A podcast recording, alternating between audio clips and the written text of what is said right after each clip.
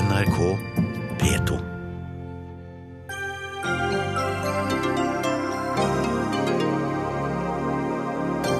Supermandag ble blåmandag for Jan Tore Sanner, mener kritikerne, som håper gårsdagens folkeavstemninger betyr kroken på døra for kommunereformen.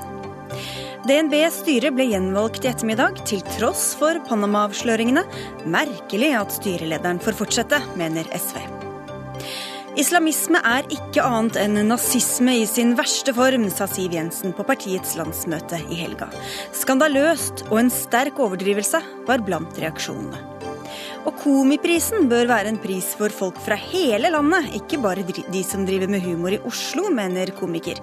Dette er ingen amatørpris, svarer jurymedlem.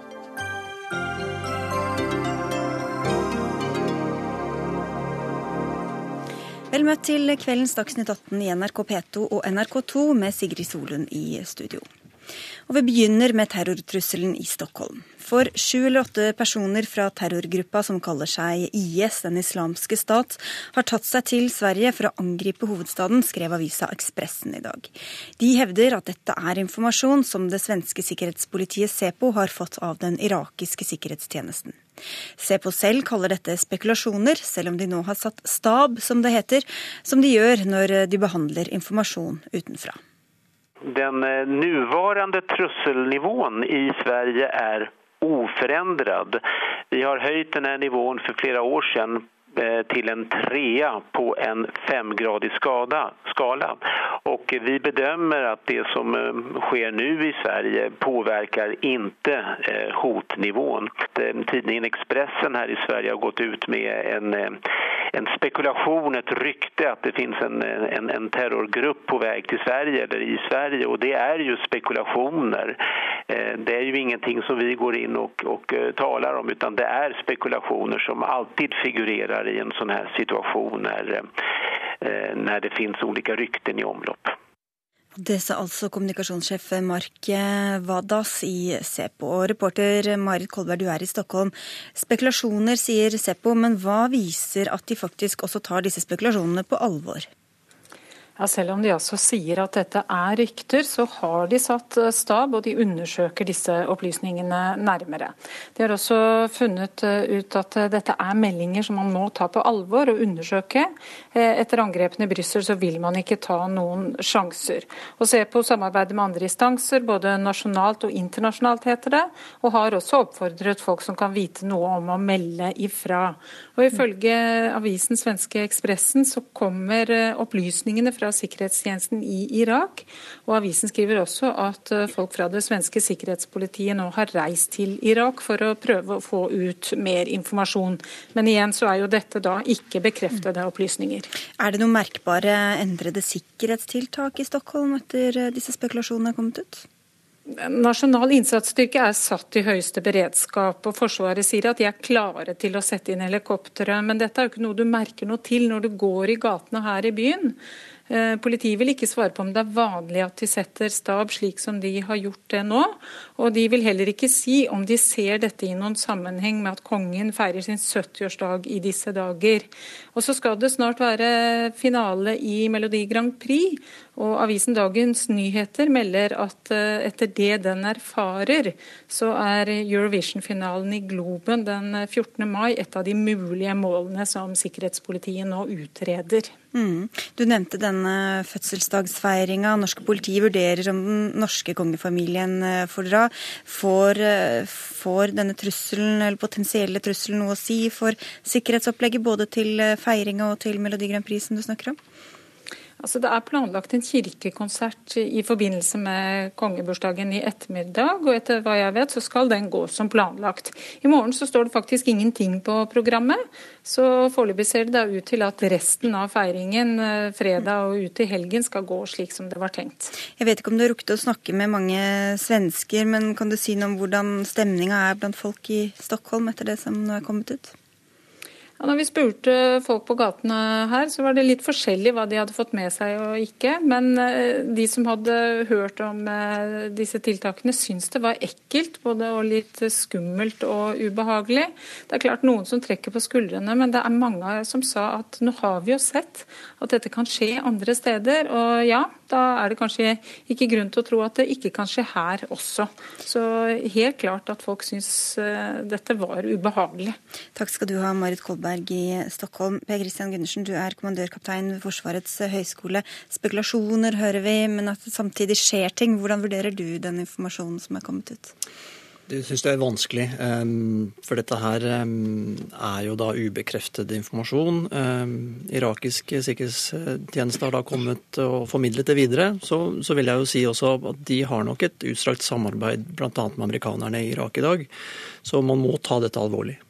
Lars Gule, vi får si velkommen tilbake til deg. Du er ekstremismeforsker ved Høgskolen Oslo og Akershus. Hva, hvordan kan SEPO sjekke og vurdere ekteheten i den informasjonen de får? Ja, nå hører vi jo at de skal ha reist til Irak. Hvis det er avhør av en avhopper eller tilfangetatt IS-kriger, så vil de nok kanskje be om å få overvære avhør.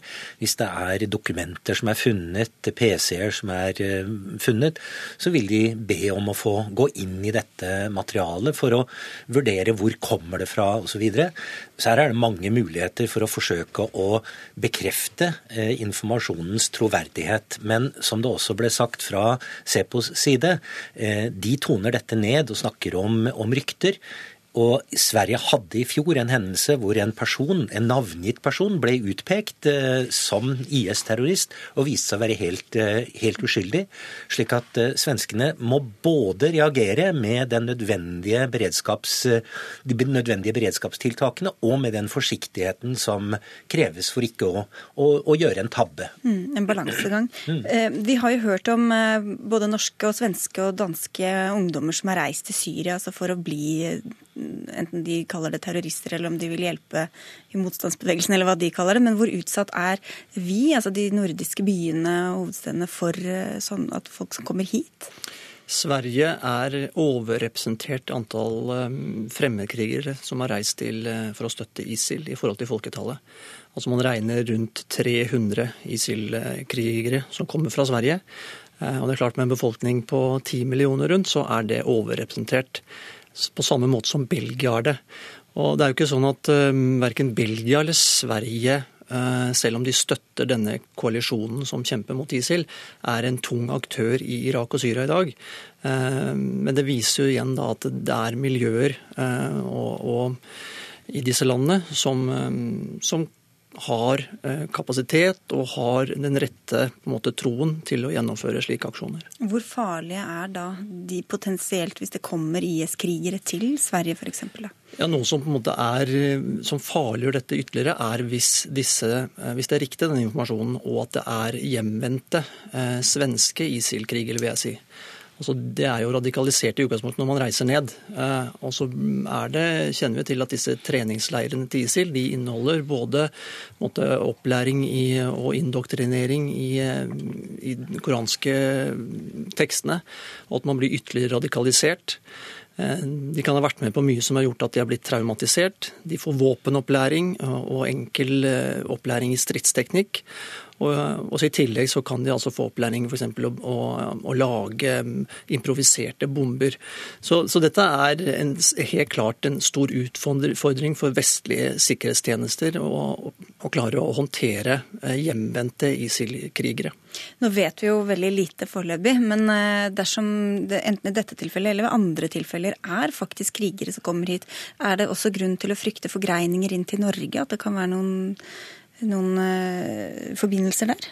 Dette blir jo spekulasjoner på det nåværende tidspunkt, men vi kan jo tenke oss at dette er noen som har kommet tilbake og tar seg tilbake til Sverige via Norge eller Danmark eh, for å eh, sette minst mulig avtrykk. Man blir oftere registrert ved ankomst til flyplasser, så ved Arlanda så ville de kanskje blitt fanget opp.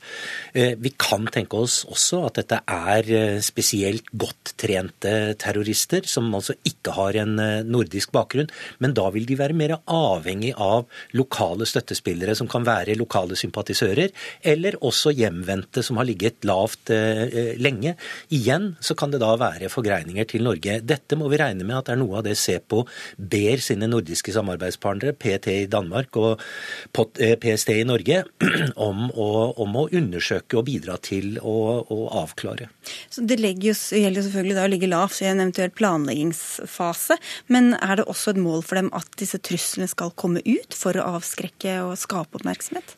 Ja, helt klart. Eh, det har vi jo sett senest også, hvor man da kommer rykter om at eh, strender i Europa vil bli angrepet, sånn som vi så i SOS eh, i Tunisia her i fjor sommer. Det er klart det trengs bare én eh, terrorist med et håndvåpen eh, med noen magasiner, så har du altså et blodbad.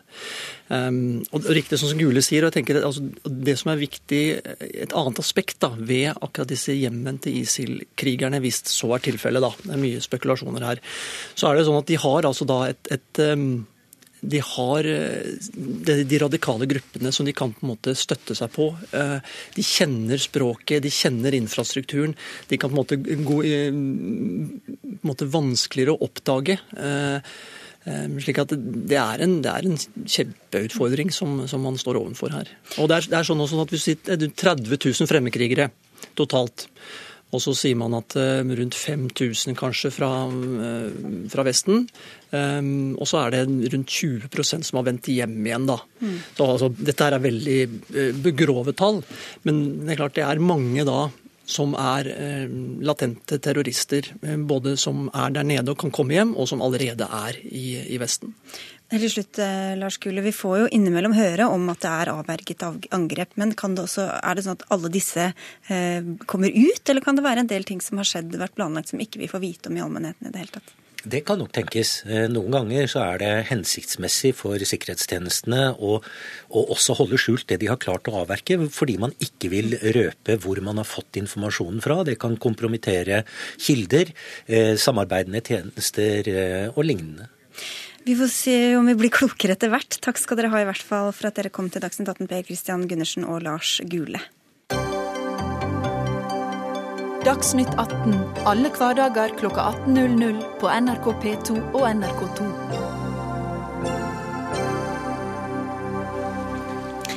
Tolv kommuner svarte nei, og elleve svarte ja til sammenslåing under gårsdagens folkeavstemning. I 23 av landets kommuner blir jo det til sammen, da. Særlig småkommunene er lite lystne på å slå seg sammen med omkringliggende større kommuner. Bjarne Jensen, du er professor i offentlig økonomi og tidligere rådmann i Kristiansand og Bergen. Og du sier at det som skjedde i går var mer dramatisk enn det vi får eh, inntrykk av? Ja, For det første så er det jo slik at eh, det må to til for at eh, det skal bli en dans, i hvert fall normalt sett. og det betyr jo at eh, de konstellasjonene som var oppe til debatt, eh, de var det jo i virkeligheten nei til. Og så er det det andre. altså Det, det er riktig at det var tolv som svarte eh, klart nei, men disse som svarte ja, de hadde jo en tre-fire alternativer. og og som de diskuterte, så hva de svarte ja til, er jo veldig usikkert. Mm. Slik at i virkeligheten så er vel resultatet, hvis du tar disse folkeavstemningene her alvorlig, så setter det bom for de fleste sammenslutningene i disse, disse kommunene her. Kristin Mærstad, du er ordfører for Arbeiderpartiet i Vågsøy kommune i Sogn og Fjordane. Innbyggerne i din kommune stemte for en sammenslåing med nabokommunen Selje, noe du også har gått inn for. Men likevel er det liten grunn for dere til å feire i dag. Hvorfor det? Eh, I Vågsøy stemte innbyggerne som du sier, ja. 56% stemte ja, 35% stemte nei. Og det var eh, til å slå seg i hop med Selje og Vanylven. Det var to kommuner med. Eh, vi hadde kun to alternativ, ja eller nei, og så gikk an å stemme blank. Vi stemte som sagt ja, men Selje stemte nei, og Vanylven stemte ja til et annet alternativ. De hadde mange alternativ. Så, så at mine innbyggere stemte ja, det gjenstår å se hvor stor nytte de hadde. Mm. Er du skuffa i dag? Jeg er fornøyd med at vi sjøl stemte ja. For at vi eh, har vært av den oppfatning at det vil styrke Vågsøy å eh, slå seg i med flere kommuner. Eh, men jeg er skuffa over to ting. Det ene at vi hadde veldig lavt oppmøte. Kun 25 gikk til urnene. Og så er jeg selvsagt skuffa over at Selje ikke ville være med, men det skal vi også respektere deres syn på det. Helge André Njåstad, du er her, du er leder i kommunalkomiteen for Fremskrittspartiet. Jan Tore Sanner hadde ikke mulighet til å være med oss i kveld, men vi er glad for å ha deg her, selvfølgelig. Eh, hva skal man egentlig bruke disse folkeavstemningene til når det er spriker i alle retninger, og den ene svarer nei, og den andre svarer ja? Nei, Det er jo først og fremst kommunene som nå spiller hovedrollen denne våren i kommunereformen. Så det, det, er kommunene som har bestilt folkeavstemningene, og det er de som får tolka de. Og så er det kommunepolitikerne som har den viktige og, og kanskje litt vanskelige jobben også med å gjøre det riktige vedtaket før 1.7 om hva de syns det er best for sin region og sin kommune. for å... Men når de vil forskjellige ting, hvordan skal de da bestemme seg og tolke Nei, det? Er jo, det, er jo, det er jo ikke enkelt kommunereform, og det er jo ingen som har sagt det er enkelt. Så det er jo her vi trenger de lokale høvdingene som nå finner de gode løsningene for hva som er, best for hver enkelt kommune og hvert enkelt lokalsamfunn framover. Da spiller kommunepolitikerne hovedrollen fram til 1.7, og eh, de har en viktig oppgave foran seg. for de skal nå finne ut hvordan man skal skape enda bedre tjenester for innbyggerne i de neste årene. Du er litt tidlig ute med å være negativ, Jensen? Nei, altså, Det er klart at det, skal, det kommer mange avstemninger fremover. Men jeg tror altså i de områdene som vi nå har sett på, så vil dette på mange måter representere en stopp i disse prosessene. Fordi at det er tross alt slik at eh, når politikerne legger frem dette, som for folkeavstemning for sin befolkning, så, det, så spør de de som velger dem om hva de syns om dette. er. Og det er klart Å da liksom overprøve dem som velger dem, det er liksom ikke helt i tråd med vårt eh, folkestyre. Det er på en måte et brudd med de tradisjonene som vi har hatt, men det er også et brudd med logikken i folkestyret. Det er jo en viktig sak for regjeringa, det her. Du kaller det en blåmandag for dem, Trygve Slagsvold Vedum, du er leder i Senterpartiet? Ja, Det er ingen tvil om at det er en blåmandag. For det her sa jo kommune etter kommune at vi ønsker ikke å bli en del av en storkommune. Og så var det mange som sa ja. Ja, men Da er det ofte en storkommune i midten som sa ja. Og så alle de kommunene rundt som sa nei. Det er sånn hvis du frir til en person, og den personen som du frir til sier nei, så blir det fortsatt nei. Selv om det er en som har fridd. Og sånn er det også med kommuner. at Hvis det er da en stor kommune som frir til en liten, og den lille kommunen sier nei, så må vi respektere det hvis du ikke er for tvangsekteskap da, i alle livets faser. Ja, Ellers så kan du jo varte opp litt ekstra, da, og godsnakke litt. Uh... Ja, det har jo regjeringa prøvd med alle mulige lokkemidler og press og pisk og gulrot og de har prøvd å endre inntektssystemet og endre spilleregler underveis, og de har brukt alle statsbyråkratene til å reise rundt og skremme. Men allikevel så ble det nei. Og så har jo Fremskrittspartiet sjøl, når du leser deres eh, stortingsvalgprogram, så står det våre representanter skal alltid følge resultatet av en folkeavstemning. Så jeg syns det burde vært lett for Helge André Njåstad nå å si selvfølgelig, når folket har talt, så skal vi i Frp følge opp det som står i vårt ja, program. Men det er jo hvilken folkeavstemning de skal lytte til, og hvilken de skal følge opp. Ja, men da må de jo lytte til eh, Det er nei som teller? Ja, men hvis det er to kommuner som sier ja, så må vi lytte til det. Ja. Når, det er, når, det er, en kommune som sier nei, så kan vi ikke tvinge den sammen med en kommune som sier ja. Eh, og Derfor må vi ha respekt for den lokale folkeviljen. Stole på det lokale vettet. Ikke tro at du er så mye klokere hvis du sitter på Stortinget eller sitter i regjering, eller at rådmenn og ordførere ser så mye bedre enn folk flest. Når folk flest har talt, så må vi okay. lytte på de. Nei betyr nei, Njåstad. Det er jo våre lokale som skal tolke de resultatene. Vi skal ikke sitte på Stortinget og, og mene hva som er best. Eh, sånn at eh, når, når, våre har stilt spørsmål, så er det de som skal tolke. og ta Men hva tolke, hva mener du? Hva, hva betyr det? Nei, Det er jo masse som skal vurderes i forhold til en kommune, kommunereform. Eh, og Hva innbyggerne mener er ett element. Eh, hvordan kommunen er rustet for å ha gode fagmiljø i framtida er andre ting. sånn at Her er det kommunepolitikerne som spiller hovedrollen. Eh, ja, men hvem skal bestemme det? da? Hvem skal si at vi, ok, nabokommunen sa nei, men vi mener at tilbudet blir så mye bedre at her slår vi oss sammen? Nei, Det er jo her vi må ha, la det lokale folkevalgte spille hovedrollen. og Derfor skal vi være forsiktige med å, å, å tolke og mene noe om hva de skal gjøre. Og så er det veldig søtt når Senterpartiet av alle som sa at vi vil ikke bry oss oss om hva folket sier i EU-avstemningen. Hvis folket sier, nei, eh, sier, ja, så skal vi likevel stemme nei. Eh, og Nå er de tydeligvis godt opplest på vårt partiprogram. og Det er jo bra at eh, de bruker tid og krefter på Fremskrittspartiet, men selv så bruker de folkeavstemninger så det passer seg. Og jeg vil tro at Hvis det hadde vært ja i alle kommuner, så hadde Senterpartiet likevel heia på den kommunereformen som var riktig for 50 år siden. og Det er vel nesten bare Senterpartiet igjen som okay, mener at Men Hvis vi prøver å forholde oss til den, de folkeavstemningene som faktisk skjer nå. Da Jeg skjønte fortsatt ikke helt hvem det er. Du sier det skal være lokale som bestemmer, men hvem i det lokale skal bestemme det her? Nei, Det er jo kommunestyrene i hver enkelt kommune som skal eh, melde tilbake til Fylkesmannen hva de syns er riktig for sitt lokalsamfunn innen 1.7. Eh, og så er det god tid for eh, regjering og storting å ta stilling til det senere. Ja. Frp må jo kunne klare å ha et prinsipielt syn. Skal vi lytte til folk i folkeavstemning, eller skal vi bare gjøre som du sier, og kalle det et element? For når folk ikke er enig i den konklusjonen du har, så er det bare et element. Men dere må jo, mener dere at man skal lytte til folket, eller mener dere det ikke? Og det neste spørsmålet er, skal du, når du sitter i kommunalkomiteen neste høst, og neste, neste vår, overprøve lokale råd? Eller vil du si at uansett lokalt råd, så skal vi som storting respektere det? Vi har sagt det i lag med de fleste andre partiene. Ikke Senterpartiet har meldt seg helt ut av dette. Nei, men, ganske med i debatten, høres ut som. men eh, Arbeiderpartiet og de fire borgerlige har sagt at vi i hovedsak skal følge lokale råd, eh, og at dette er en eh, kommunereform som er basert på lokale initiativ. Men Stortinget har forberedt seg retten til å skjære gjennom i unntakstilfeller ut ifra regionale hensyn. Altså, så du eh, mener at det kan være rett å overprøve det lokale folkeavstemninger, lokale kommunestyret, og at Frp nasjonalt ser så mye bedre enn lokale representanter lokalt og folk Ok, så, men bare for å stille et ja-nei-spørsmål. Selv der hvor eh, innbyggerne har sagt nei, så kan det bli aktuelt med en sammenslåing? Ut ifra regionale hensyn så har Stortinget forberedt seg Ja. retten, men det er neste vår vi kan ta stilling til. Okay. Nå er det lokalpolitikerne som spiller hovedrollen denne våren. Vi skal få inn de andre her litt også. Maurstad, hva, hva kan være neste skritt for dere? Da? Gir dere opp nå, eller vil dere gjøre noe mer for å få en sammenslåing, selv om partneren har sagt eh, nei til frieriet?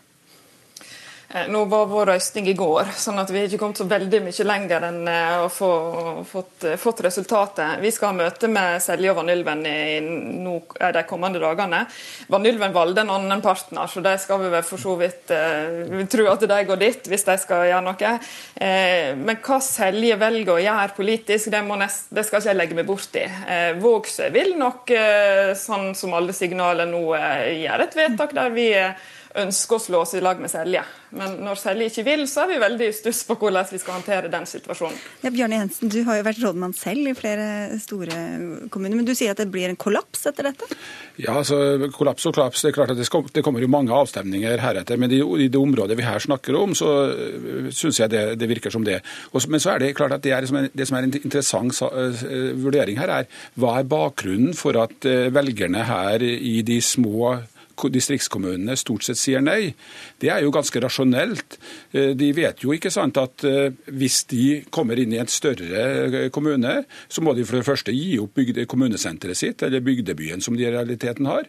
Og for det andre så får de mye mindre innflytelse i et område. sånn at på mange måter så er denne diskusjonen om kommunestruktur et spørsmål om hvilke interesser og verdier som skal vinne frem.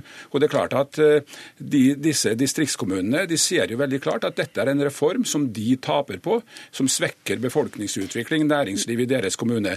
Og så er det en annen ting som man også burde vært med litt på se, se litt nærmere på. Det er altså, hvilke ver- verdier, interesser fremmes dette ved siden av at det virker sentraliserende. Det, det, det er jo i og for seg kommersialiserende. Eh, altså Det virker som at man får mer åpning for kommersialisering i kommunene. Og det er Den interessekampen, de verdivurderingene som vi her snakker om, disse på mange måter tror jeg befolkningen forstår. og Det er derfor vi får disse resultatene. Men, men det er jo ikke riktig som han sier at, eh, at de distriktskommunene som taper på en sammenslåing. Da, da så vi jo den siste tvangssammenslåtte kommunen i Norge, Fredrikstad. eh, har jo siden, eh, Det var vel Arbeiderpartiregjeringen som slo de sammen på, i, i 90-tallet. Så har jo gamle Fredrikstad aldri hatt ordføreren. Det er de omkringliggende kommunene som har styrt den kommunen siden det skjedde. Så all erfaring viser jo at det er de små kommunene som mobiliserer etterpå og får stor innflytelse på den nye. Eh, Men hvis de ikke helt vet sitt eget beste, kan man jo skjønne hva som er poenget med alle disse folkeavstemningene?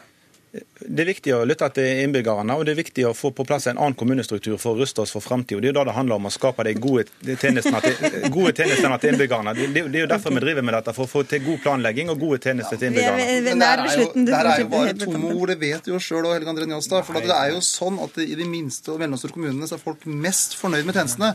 Og du sjøl er jo mot at Austevoll skal bli slått sammen med Bergen, fordi du tror at Austevoll klarer seg best på egen hånd. Og da må du ha respekt for at også andre kommuner ikke ønsker å bli slått sammen, og at vi har et levende land med store og små steder. Det er jo fantastisk, ikke et problem. Jeg skjønner ikke hvorfor Frp er så redd for folket. Lytt til folk, respekter folkeavstemninger, så går dette bra. Det morsomme her er jo at det er faktisk ungdommen som er eh, mest negativ, mens gamlingene de er jo mest for. Litt til ungdommen? Nei. Jo, men det er viktig å rigge kommunene for, for framtida. Det er da det handler om å skape gode tjenester. Da får vi se hvordan de resterende folkeavstemningene går, og hvem det, som vil lytte til hvem. Takk skal dere ha, i hvert fall alle fire. Bjarne Jensen, professor i offentlig økonomi. Trygve Slagsvold Vedum fra Senterpartiet, Helge André Njåstad fra Frp og Kristin Maurstad, som er ordfører i Vågsøy.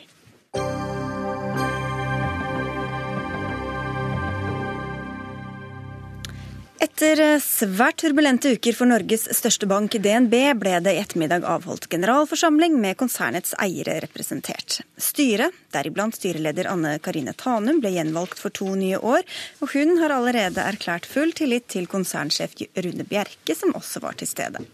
Det har stormet rundt banken etter de såkalte Panama-avsløringene, som bl.a. viste at DNB i flere år hjalp kunder med å overføre store formuer til skatteparadiset Seychellene.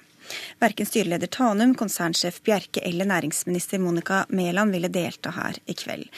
Torgeir Knag Fylkesnes, du er næringspolitisk talsperson for SV. Hva syns du om at eh, styret nå har fått eh, full tillit og ble gjenvalgt i kveld? Jeg syns det er underlig. Eh, og vi har her vært en av de mest alvorlige avsløringene om økonomisk hemmelighold noen gang i, i Norge. Vi har hatt finansminister næringsministre som har bedt DNV om å slutte å gjøre det. Og så har vi hatt en redegjørelse som skapte egentlig mer forvirring enn svar, som da styret ga sitt godkjentstempel på. Og da er det underlig at man i dag sitter igjen uten at det har fått konsekvenser for, for noen. Mm. Og det syns jeg er veldig problematisk. Vi skal straks høre fra valgkomiteen, men først til deg, Gunnar Gundersen. Du sitter i næringskomiteen på Stortinget for Høyre. Underlig, er du enig?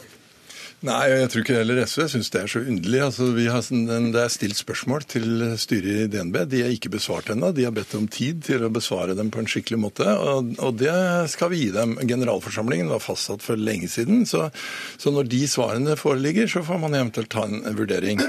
Men, men, kunne man ha skjøvet på det, da? Eventuelt altså til, ja, til man vet Dette er jo børsnoterte selskaper som varsler en generalforsamling på lang tid, og det har med utbytte og alt mulig sånn å gjøre. Så det er masse andre ting som en generalforsamling gjør. Mm.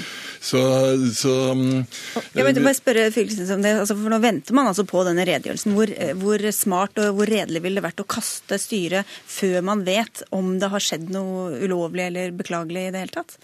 Jeg noterer meg jo at uh, Høyre her egentlig sier at dersom det kommer opp uh, ting i den nye redegjørelsen som Næringsdepartementet ba om, så vil de vurdere saken på nytt. Det, så det betyr at den, den generalforsamlinga som vi har hatt nå, det er en form for vente og se. Mm. At valgkomiteen ikke har gjort noen større endringer da, fordi at man ikke har noe grunnlag for å vurdere noe nytt. Er det riktig tolkning? Jeg sier ingenting, for jeg forskutterer ingenting av de spørsmålene, men det er jo velkjent at det var en rimelig kritisk liste med spørsmål spørsmål om hvordan, men, men, når SV nå melder seg på, og bakgrunnen jeg fikk presentert for programmet nå, var jo det, det oppslaget i Dagsavisen ja, i dag. Det, nettopp kommer ja, tilbake til det. Tilbake til det. Men, men, jeg vil jo minne om at her må vi passe oss litt for etterpåklokskap. For det, altså, i 2007 Vi har nå avslørt at NRK, eller altså finansministeren snakket ikke med næringsministeren. Hadde, den rød-grønne regjeringen hadde ingen eiermessig oppfølging av DNBs engasjement den gangen.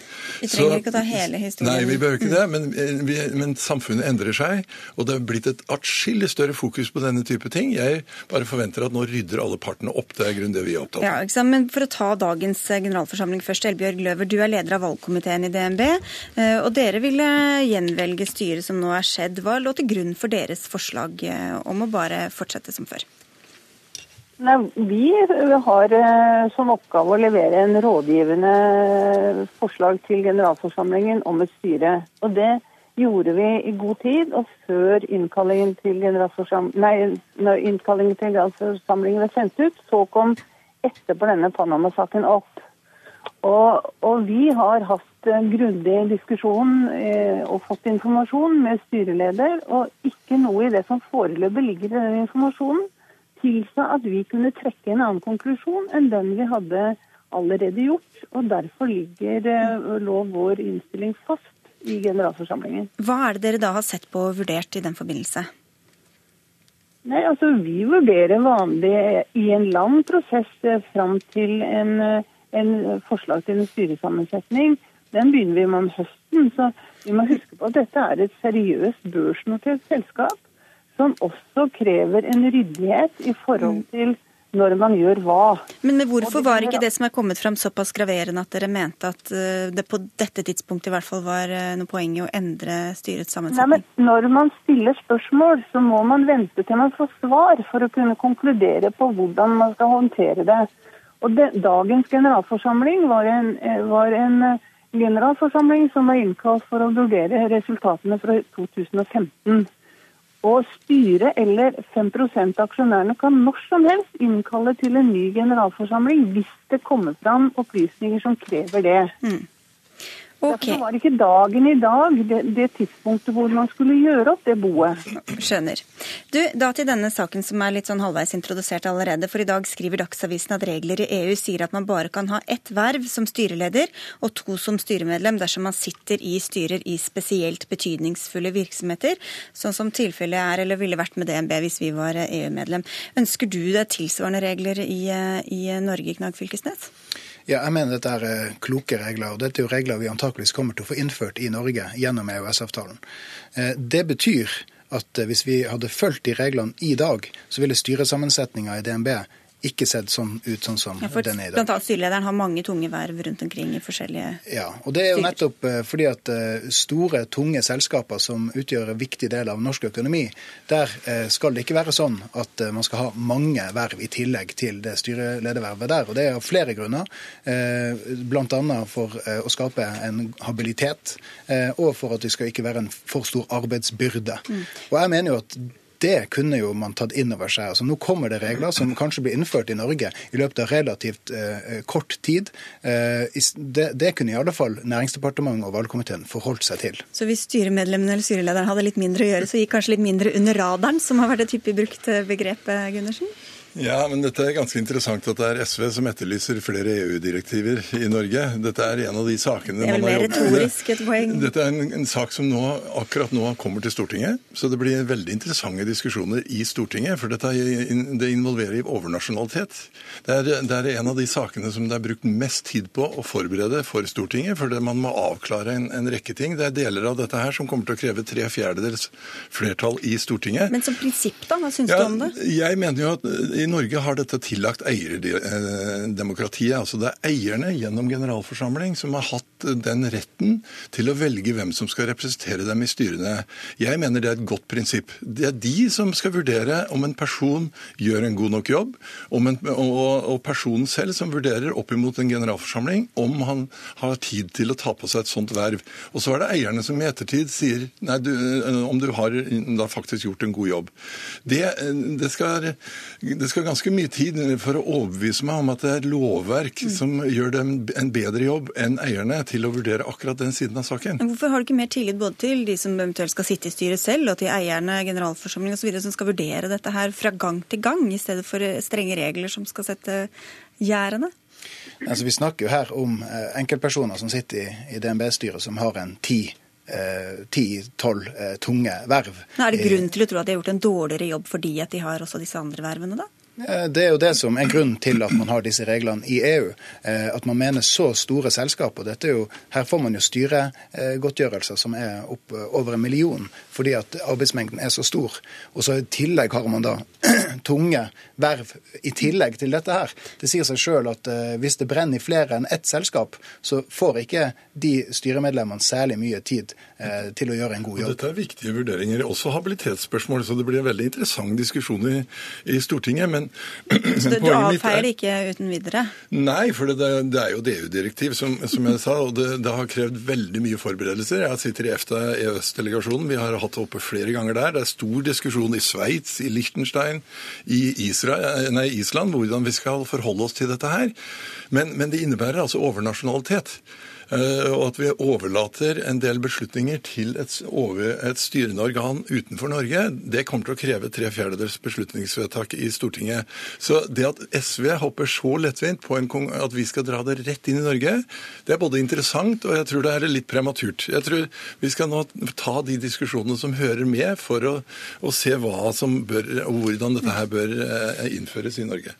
Altså, Jeg kan jo gjøre det enkelt for uh, Gundersen og Høyre. Hvis, ikke, det, hvis, dette her ikke blir en del av EØS-avtalen, så skal vi i SV sørge for at vi foreslår det på Stortinget. Og da krever det et enkelt flertall. Mm. Og eh, Tanum kunne som nevnt ikke være med. Syns du hun burde gå av? Det er helt umulig, umulig for meg å, å, ta stilling til. Eh, men jeg syns det er underlig eh, at det ikke har fått noen konsekvenser eh, etter alt det kaoset vi har vært vitne til. Og Da er det vel lett å lese mellom linjene der, kanskje. Jeg vet ikke, Det får folk gjøre seg på en mening om selv. Tusen takk skal dere ha, i hvert fall begge to, for at dere var med. Gunnar Gundersen fra Høyre og Torgeir Knag Fylkesnes fra SV, og også til Elbjørg Løve med på telefon.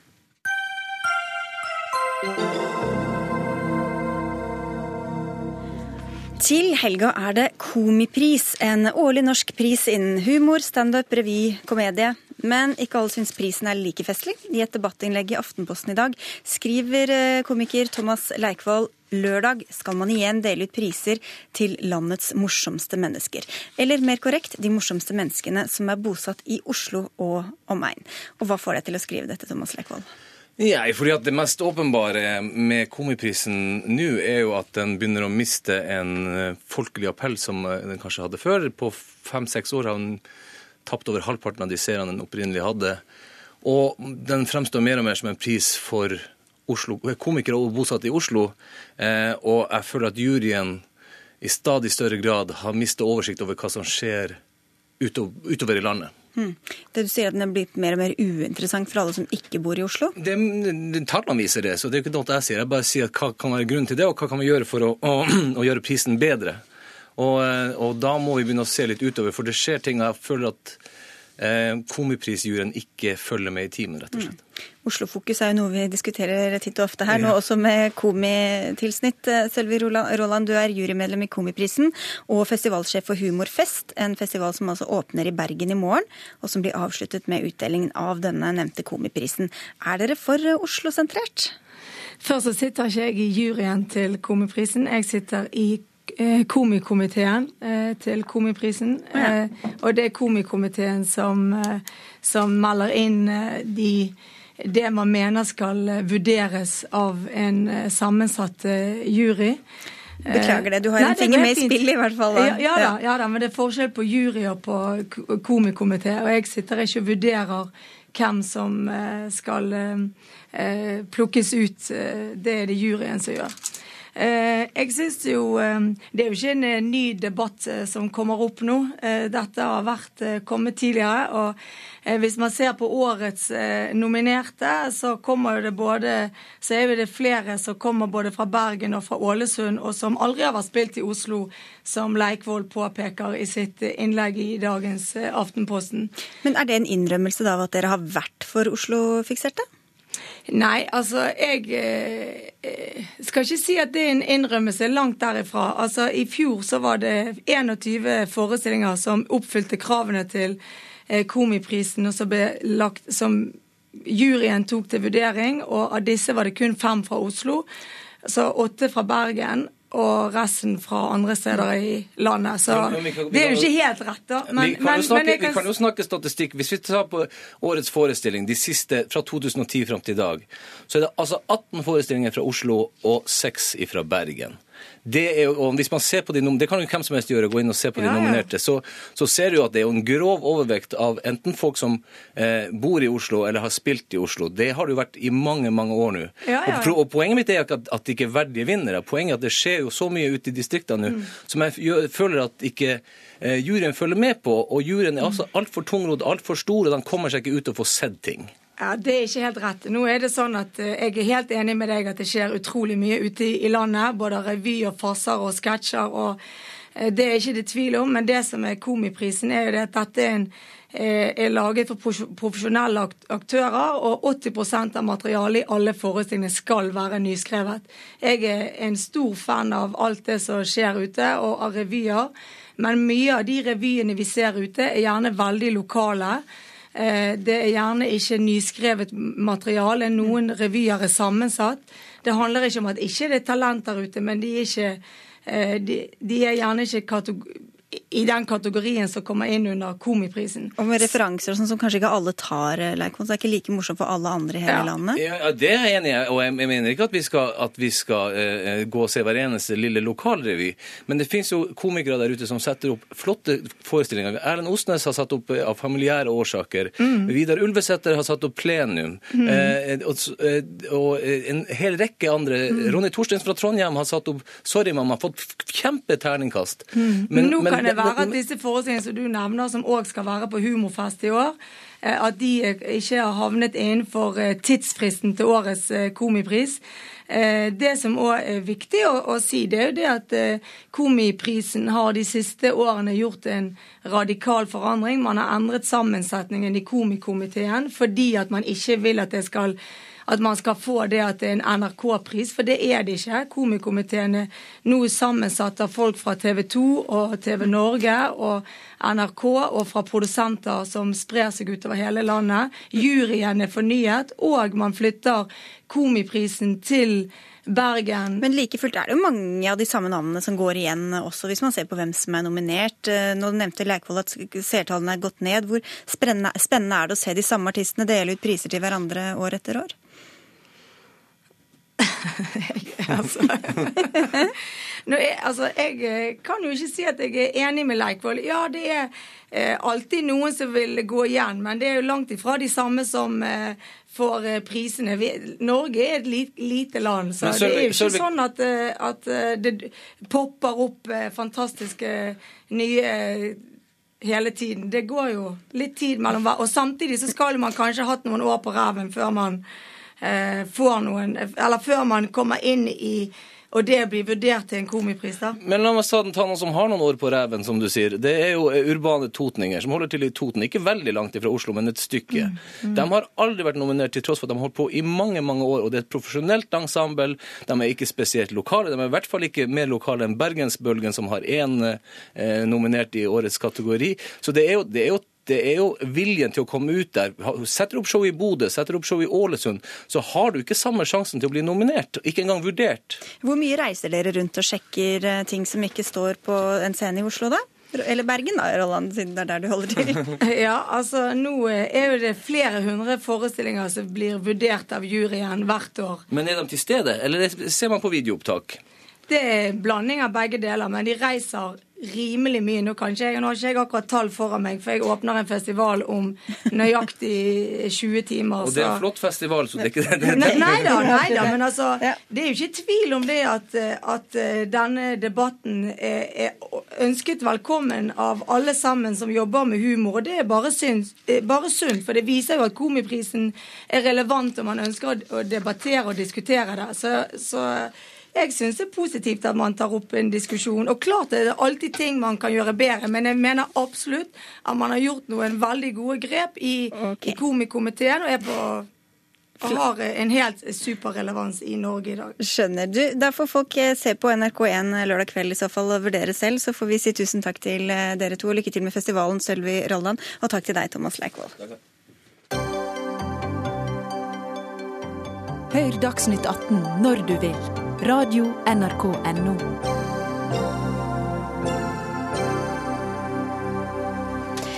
Islamisme er ikke noe annet enn nazisme i sin verste form. Det sa Fremskrittspartiets leder Siv Jensen i talen sin på partiets landsmøte i helga.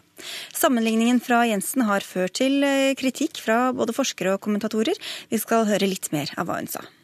Det minner oss om at eh, de prinsipper og verdier som har gjort det mulig å løfte vår del av verden fra fattigdom til velstand, har fiender. Islamisme er ikke noe annet enn nazisme i sin verste form.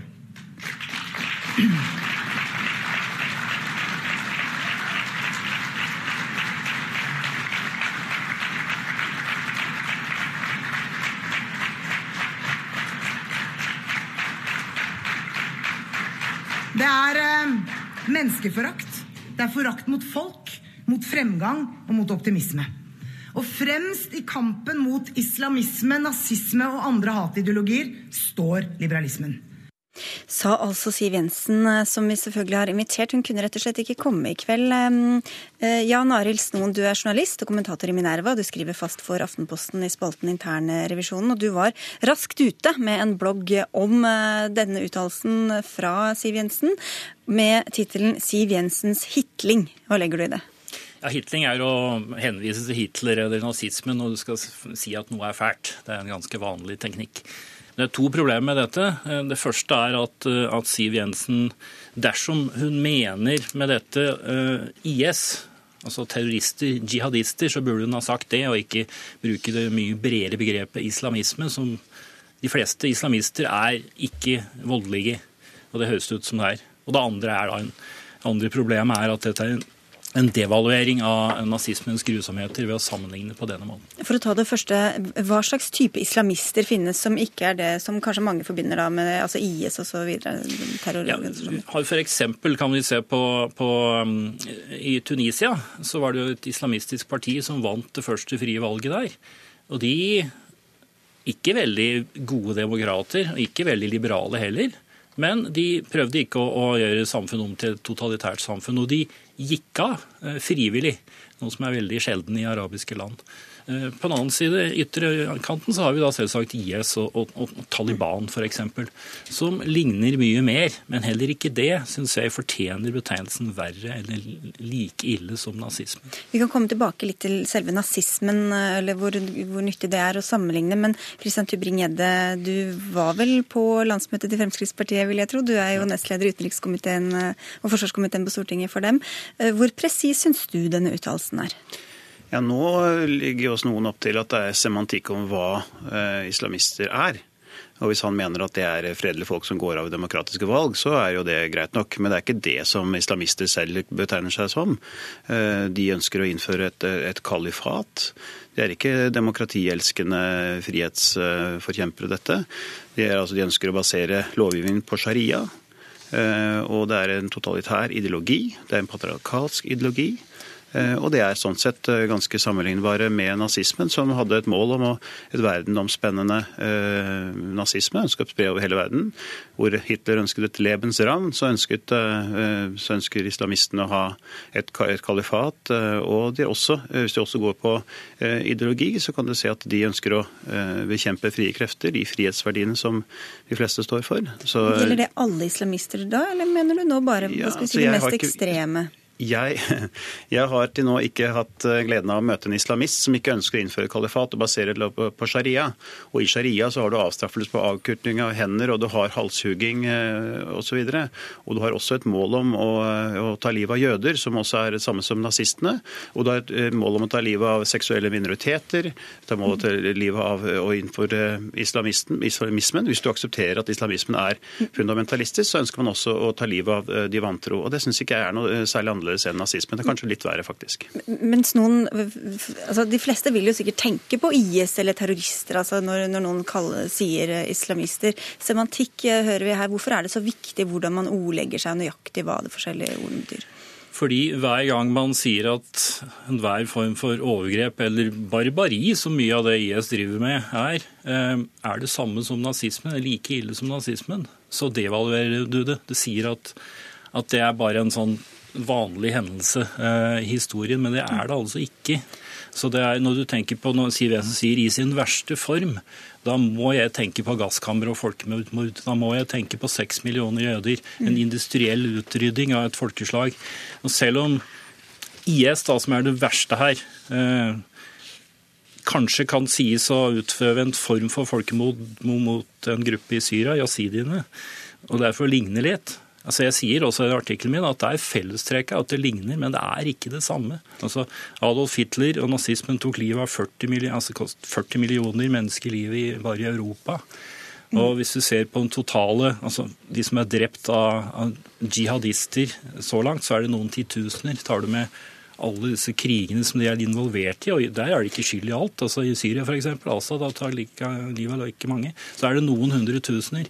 Det er ikke samme dimensjon over dette og kan ikke sammenlignes. Ja, som man sier, altså Den verste form for nazisme innebærer altså systematisk utryddelse av jøder. De kom så langt som til seks millioner. Hva gjør det med oppfatningen av holocaust? Og når, når hun sier det er den verre enn eh, eller du sier det kan være verre enn nazisme, hun sier det er den verste form for nazisme. Litt for verre fordi det er en plikt fra, fra, fra Allah for islamist terrorist og, og ta livet av de vantro, så mener jeg at det kan være verre enn nazistene. For tross alt nazistene de ønsket da at det er gods og gull, jordisk gods og gull som var målet. Det var ikke en, en, et mål om å ta livet av seg selv, altså selvmordsbombing i seg selv. Eh, men jeg mener at det er sammenlignbart, fordi at det er en slags eh, industriell eh, utrydding. En, for nazistene så var det den ariske rase, for islamister så er det muslimer, og det er kampen for Allah. Mm, men det er omfanget her, det, var, altså, det er jo veldig få som vil si at holocaust har mange paralleller i historien historien. Hva gjør det med oppfatningen av jødeutryddelsen at man trekker sånne paralleller? vi snakker om nazisme og islamisme og målet for islamismen. altså Hvis du får en, et omfattende kalifat, øh, verdensspennende kalifat, så vil det være en industriell utrydding hvis de har det målet som de sier at de har nemlig å utrydde de vantro, utrydde jødene og utrydde, uh, utrydde, seksuelle minoriteter. Det er omtrent akkurat det samme som var målet for nazistene, nemlig den ariske rasen og overlegenhet. Og Jeg syns begge to er like forkastelige. Å begynne å drive med sematikken om noen er noe verre enn noe verre. Jeg syns dette her er to ulike, det er to tilsvarende ideologier som begge må bekjempes med alle mulige midler. Og, og om du sier at nazistene drepte flere enn islamistene har gjort til nå, så syns jeg vi skal være klar over at islamistene faktisk dreper, og de hugger huet av folk, de har kapra hender. Og det gjør de ikke. Det er ikke bare IS som gjør dette. Det finnes mange grupper. Du har også grupper i ja. Boko Haram i Nigeria, og du har mange andre grupper som også gjør dette. Og det er ikke om å degradere nazismen. Nazismen vil si at nazismen er ille, men du kan ikke sette den i en helt uhistorisk parallell. Det finnes paralleller, og det skal vi bekjempe nå med den islamismen som er voksende. Men altså, det finnes et veldig, ganske langvarig og veldig ytterliggående islamistisk regime i verden. Saudi-Arabia de passer veldig godt til en sånn eh, ganske eh, i, definisjon, i alle definisjoner av islamisme og går veldig langt. Du sier du skal bekjempe det med alle midler. Mhm. Fremskrittspartiet går inn for å selge våpen til Saudi-Arabia. Nei. Jeg tror at har, Du har vært her og, og, og, eh, ønsket å ikke selge våpen til dem, hvis jeg husker ja, rett. Christian Tybring-Gjedde. Men, men jeg skal bare, det er ikke bare noen som har reagert. Forsker Thomas Hegghammer ved Forsvarets forskningsinstitutt han er spesialist i studier innen voldelig islamisme. Han skrev på Twitter at det er skandaløst at en minister kan si dette. Han eh, er i utlandet, kunne ikke være hos oss. Men hva syns du om at dette er reaksjonene på det? Nei, Det forundrer meg ikke, for det er den politisk korrekte um, oppfatningen man skal ha. Man skal reagere på denne måten, og det er helt klassisk at, um, at det er bare Fremskrittspartiet som tør å si disse tingene, som, uh, som har historiske eksempler. Du, man ser gang på gang nazismen og islamismen gjør omtrent akkurat det samme, og så sier man at man vil ikke sammenligne, for nazismen er noe helt spesielt. Nazismen var noe helt spesielt. Vi er i ferd med å få islamismen, som jeg mener er akkurat like ille, uh, og det syns jeg er helt legitimt å si. Vi burde kjempe mot dem med alle, alle midler vi kan ti sekunder til slutten. Altså, det er det ikke noe faglig eller historisk grunnlag for å si at uh, dette er like ille. Det fins selvsagt et potensial hvis IS skulle ta over hele den arabiske verden, men de aller fleste islamister, de som kaller seg selv det, de er sterkt imot IS.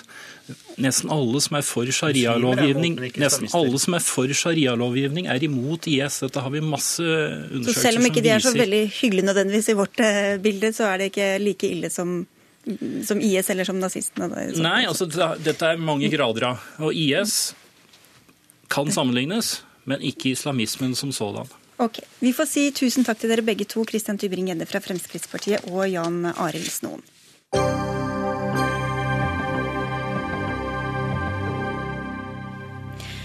I dag er det 30 år siden verdens verste atomulykke. Natt til 26.4.1986 eksploderte en tre år gammel reaktor ved kjernekraftverket Tsjernobyl nord for Ukrainas hovedstad Kiev.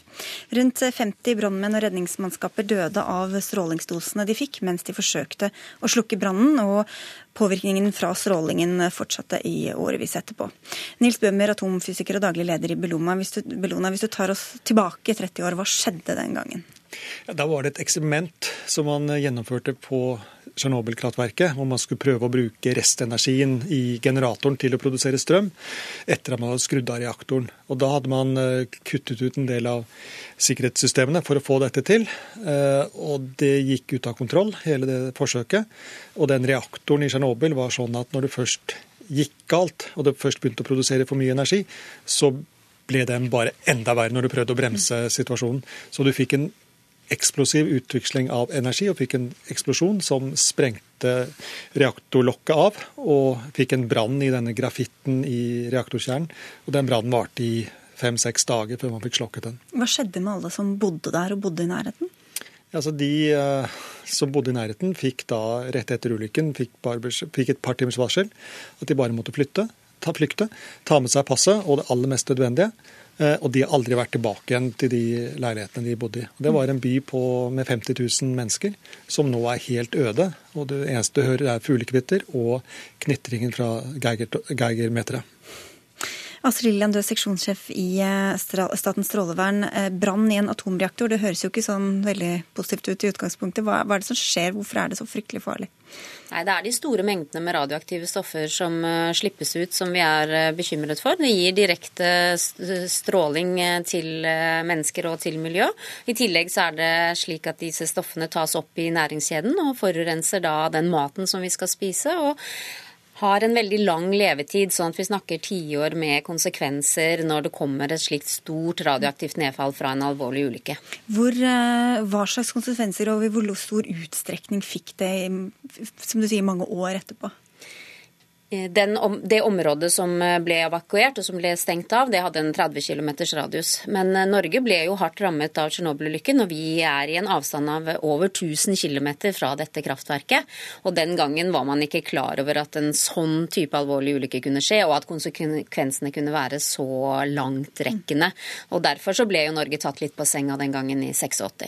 Vi forbinder det vel litt med kreftfare osv. Hvordan ble menneskene påvirket av denne fortsatte strålingen? Ja, altså I nærområdene så var det hovedsakelig skjoldbruskkjertelkreft man ser økninger i. Fordi man hadde mye radioaktivt jod som tas lett opp i kroppen, og som bestråler skjoldbruskkjertelen. Så det har man sett økning på. Eh, heldigvis så har det en relativt kort halveringstid, så den joden er borte nå. Men det man fant i Norge hovedsakelig, var jo cesium og strontium, som tas opp i, i reinkjøtt og sauekjøtt. Og vi ser jo veldig at sopp er en veldig en, virker som en svamp på radioaktiv cesium. og, og, når man får da eh, sopp, gode soppår, så ser vi også her i Norge at da har man eh, sauer f.eks. som må spesialfòres for å kunne selges. Du advarer Liland mot å tro at dette aldri kan skje igjen heller? Nei, det er jo bare fem år siden Fukushima-ulykken. Og det skjedde jo på et kraftverk i et uh, velutviklet uh, land og hvor man trodde alt var på stell. Men uh, det viser seg jo at ting kan skje, og alt var jo ikke heller på plass sånn som de hadde sagt. Så vi må være forberedt på å takle nye ulykker med radioaktivt utslipp, og også da terroranslag hvor man bruker radiologisk eller nukleært materiale. Ja, Vi har jo fremdeles Tsjernobyl-reaktor i drift, bl.a. St. Petersburg-kraftverket, som er mye nærmere Norge enn Tsjernobyl. Og vi har også relativt gamle reaktorer i Europa, bl.a. i Sverige. Eh, vi har også et stort anlegg i, i Sellafield i England, som er relativt nære oss. Og vi vil kunne få ganske store konsekvenser, mye større enn Tsjernobyl-konsekvensene, hvis man får en ulykke der. Men hvor godt rusta er vi til å takle det hvis noe skjer nå, da? Jeg tror Beredskapsmessig så er man nok bedre rustet i dag. Fordi For 30 år siden så hadde vi ikke noen beredskap i Norge. Nå har man brukt de 30 årene til å lære seg å utvikle et godt beredskapssystem i Norge. Men jeg tror allikevel skjer det et stort nedfall i Norge i dag, så vil mediatrykket være mye større enn det var for 30 år siden. Fordi mediehverdagen er så veldig mye mer kompleks enn var for, uh, før. Men hva kan man gjøre da, hvis det er en atomkraftulykke? Nei, Det viktigste er jo at vi har mange varslingsavtaler nå, og vi har mange varslingsnettverk. sånn at hvis noe skjer, så vil man få et tidlig varsel om at noe skjer. Og da kan man sette inn eh, konsekvensreduserende tiltak for å beskytte befolkningen, for å beskytte matproduksjon. Eh, og det er mye man kan gjøre både i tidlig fase og i senfase etter en ulykke. Men det som vi er veldig opptatt av, er at vi har en, en god og tverrsektoriell eh, atomberedskap i Norge, som er, har et oppdatert trusselbilde og vet hvordan vi kan håndtere det som skjer. Og det, norske, nei, det internasjonale atomenergibyrået har trukket frem den norske atomberedskapsmodellen som et eksempel til etterfølgelse for eh, andre land. Så vi oppfordrer sterkt departementene og regjeringen om å sørge for at eh, den norske atomberedskapen ikke svekkes, selv om det nå foregår en omorganisering i helsesektoren. Men de som dette altså For 30 år siden var det kanskje ikke, det var ikke like åpent og det var ikke eh, like mye som skjedde. Hvordan ble folk fulgt opp i, i disse nærområdene? I etter hvert som årene gikk? Altså Det har vært veldig liten oppfølging. De som ble evakuert, jo, har jo fått veldig dårlig økonomisk kompensasjon. Eh, det største utfordringen helsemessig var jo de 800 000, kanskje opp mot 1 million såkalte liquidators. De som var inne og slukket brannen og ryddet opp etter ulykken. Det var eh, folk fra hele Sovjetunionen som ble samlet inn, og man vet svært lite om hva slags type dose de fikk. Sannsynligvis fikk de veldig høye doser, noen av dem. Og de ble da spredd for alle vinder over hele Sovjetunionen etterpå. Og man har ikke gjort noe helhetlig helsevurdering av de, den store gruppen av eh, sterkt bestrålte mennesker. Men eh, det har jo også vært en studie av noen av eh, disse her som har vist at det har vært en, en, økning i leukemi og andre blodsykdommer hos denne gruppen med likvidatorer. Så det er helt klart at det har gitt en helsekonsekvens for den gruppen mennesker. Mm. Men, men, nå er det, er det, nå grunn til Du nevnte soppen i stad, men er vi relativt trygge nå ellers, for å spørre sånn? I Norge så er vi relativt trygge på Tsjernobyl, men det kan jo godt skje en ulykke til, og den kan få større konsekvenser i Norge enn det Tsjernobyl gjorde. Andre farer lurer. Vi får si tusen takk til dere, Nils Bøhmer fra Beloma, Astrid Hvorfor sier jeg Beloma hele tiden? Bellona. Eh, og Astrid Lilland fra Statens strålevern. For Dagsnytt 18 er eh, over for eh, denne gang. Det var Ida Tune Ørresland som hadde ansvaret for innholdet i sendinga. Teknisk ansvarlig var Marianne Myrhol, og i studio Sigrid Solund.